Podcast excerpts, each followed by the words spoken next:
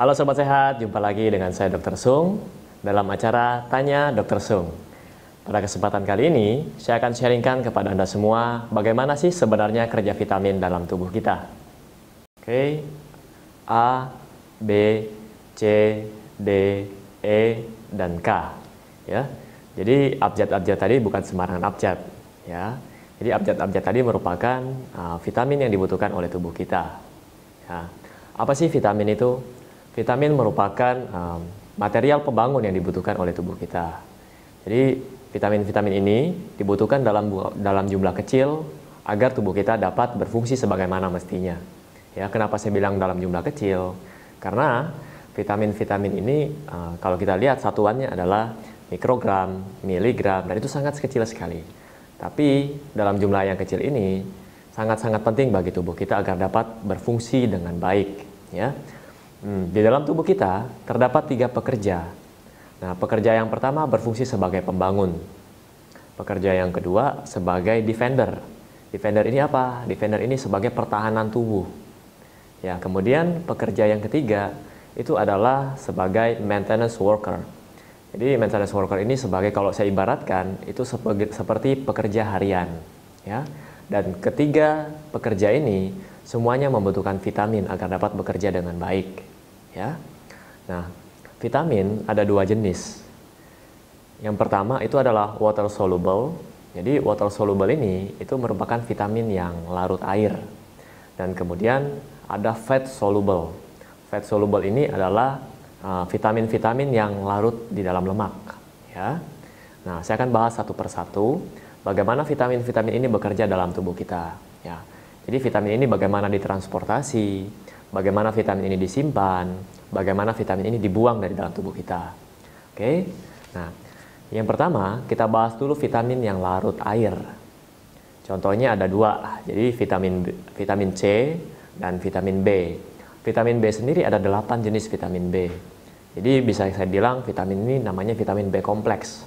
Ada vitamin B1, B2, B3, B5, B6, B7, B9 dan B12 ya. Jadi makanya dibilang vitamin B kompleks karena bukan cuma cuma satu vitamin B, bukan cuma satu vitamin B. Nah, vitamin C dan vitamin B kompleks ini dapat mudah sekali masuk dalam tubuh kita, dapat mudah sekali masuk dalam uh, saluran pembuluh darah kita.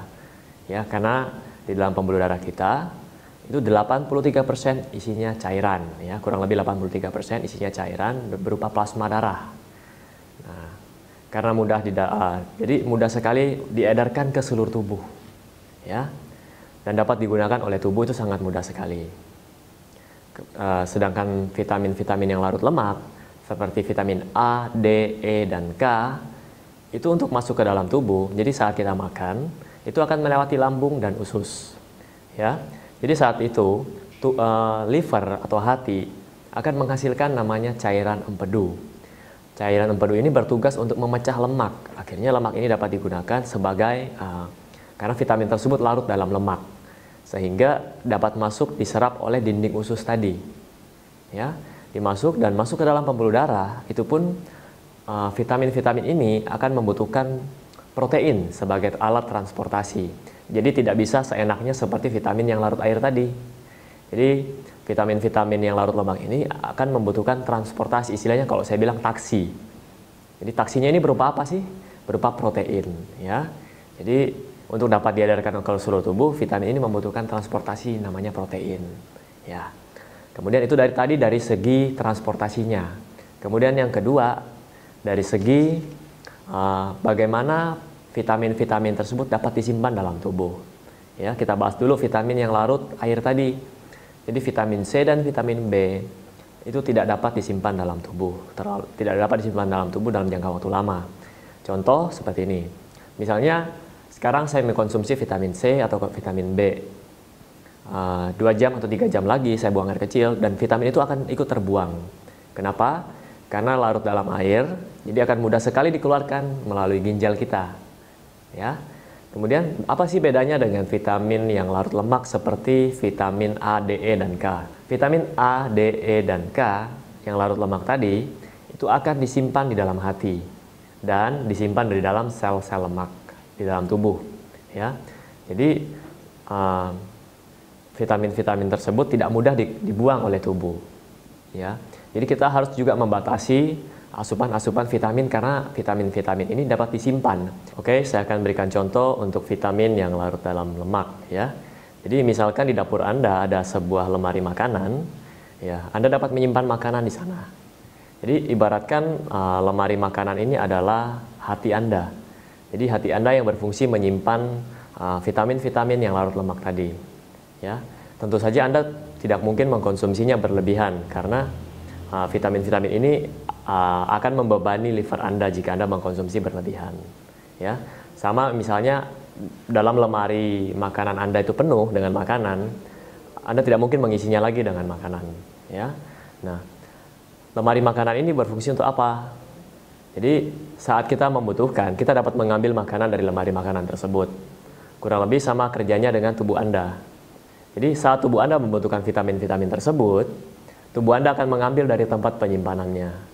Dengan catatan tempat penyimpanannya harus dalam keadaan baik. Oke, saya rasa Anda sudah cukup paham tentang bagaimana kerja vitamin dalam tubuh Anda. Ya, sekarang saya akan memberikan sedikit fungsi dari apa sih vitamin-vitamin tersebut fungsinya. Ya, jadi vitamin B misalnya, vitamin B ini bertugas sebagai koenzim yang membantu enzim dalam proses tubuh menghasilkan energi. Ya, kemudian vitamin C Vitamin C sendiri mempunyai kemampuan untuk melawan infeksi dan membuat kolagen dalam tubuh kita. Jadi kolagen ini dibutuhkan untuk jaringan tulang kita, gigi, kulit, dan sebagainya. Kemudian vitamin A. Vitamin A ini mempunyai kemampuan untuk membuat sel darah putih yang merupakan pertahanan tubuh kita tentunya, sel darah putih ini, ya. Kemudian membantu pembentukan tulang dan membantu penglihatan juga, vision, penglihatan ya. Kemudian vitamin D.